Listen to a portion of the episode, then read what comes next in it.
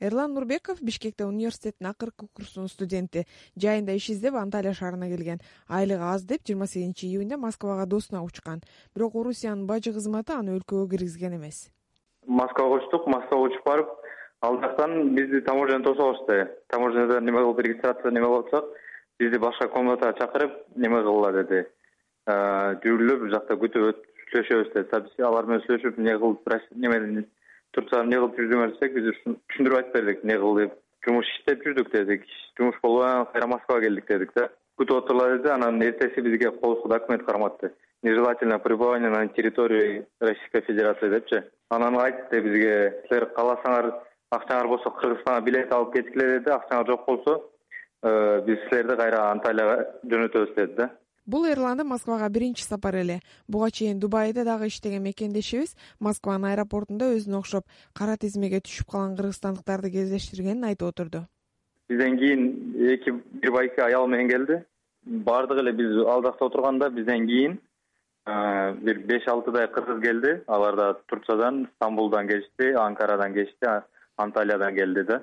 Алардыкын деле ошондой немечи түшүндүрүп бербей на каком основании киргизбейт россияга деп түшүндүрүп бербей эле просто таможня өткөзбөй коюп нейтральный зона бар го нейтральный зонадагы комнатага киргизип отургузуп коюшту да биздичи.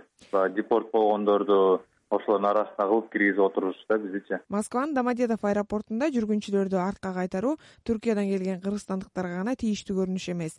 Маектешим эрлан төрт күн аэропортто кармалып турганда башка жактардан учуп келген кыргызстандыктар дагы орусияга кире албай калганына күбө болгон бизден кийин кыргызга келип атышты бирөөсү франциядан келди.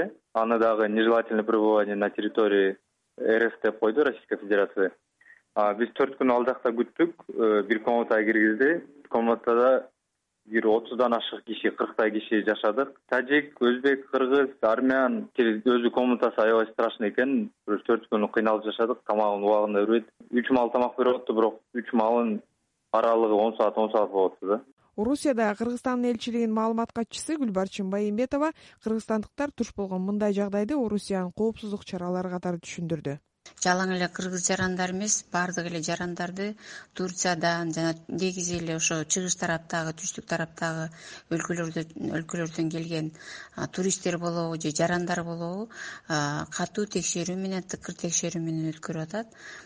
Бул албетте россиянын ички иштер органдарынын ар кандай жанагындай коопсуздукту бекем сактоо боюнча көргөн чараларына кирет анталиядагы кыргыз коомунун жетекчиси талант курманалиев эмне себептен орусиядагы эмгек мигранттары анталияга келип кайра орусияга кирем десе кара тизмеге түшүп калганын чечмелеп берди.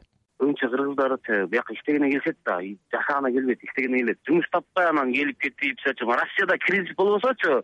Түркияга кыргыздар келбек эмеспи зарплатага иштепчи анталияда ишкерлер аз э, э, зарплата иштет баары теңчи жумуш оор эсептешиптир төрт кишинин жумушун бир эле кишиге кылдырыпчы көбү качат эркек балдарга жумуш аз. Анан баягы түркия жакшы түркия жакшы. Шорто майка кийип жүрөт деп келип алышат түркияга. Анан түркияны көрүп анан россияга качабыз деп кайрачы мындай көрүнүш беш ай мурун э, жазында жок болчу мындай көрүнүш. Могу чукул деле баштады башталды бул нерсечи эки миң он үчүнчү жылы орусия бийлиги миграция мыйзамдарын бузган чет элдик жарандардын тизмесин түзгөн. Ага кирген жарандарга белгилүү бир мөөнөткө чейин орусияга кирүүгө тыюу салынган. Элвира будайчиева азаттык стамбул шаары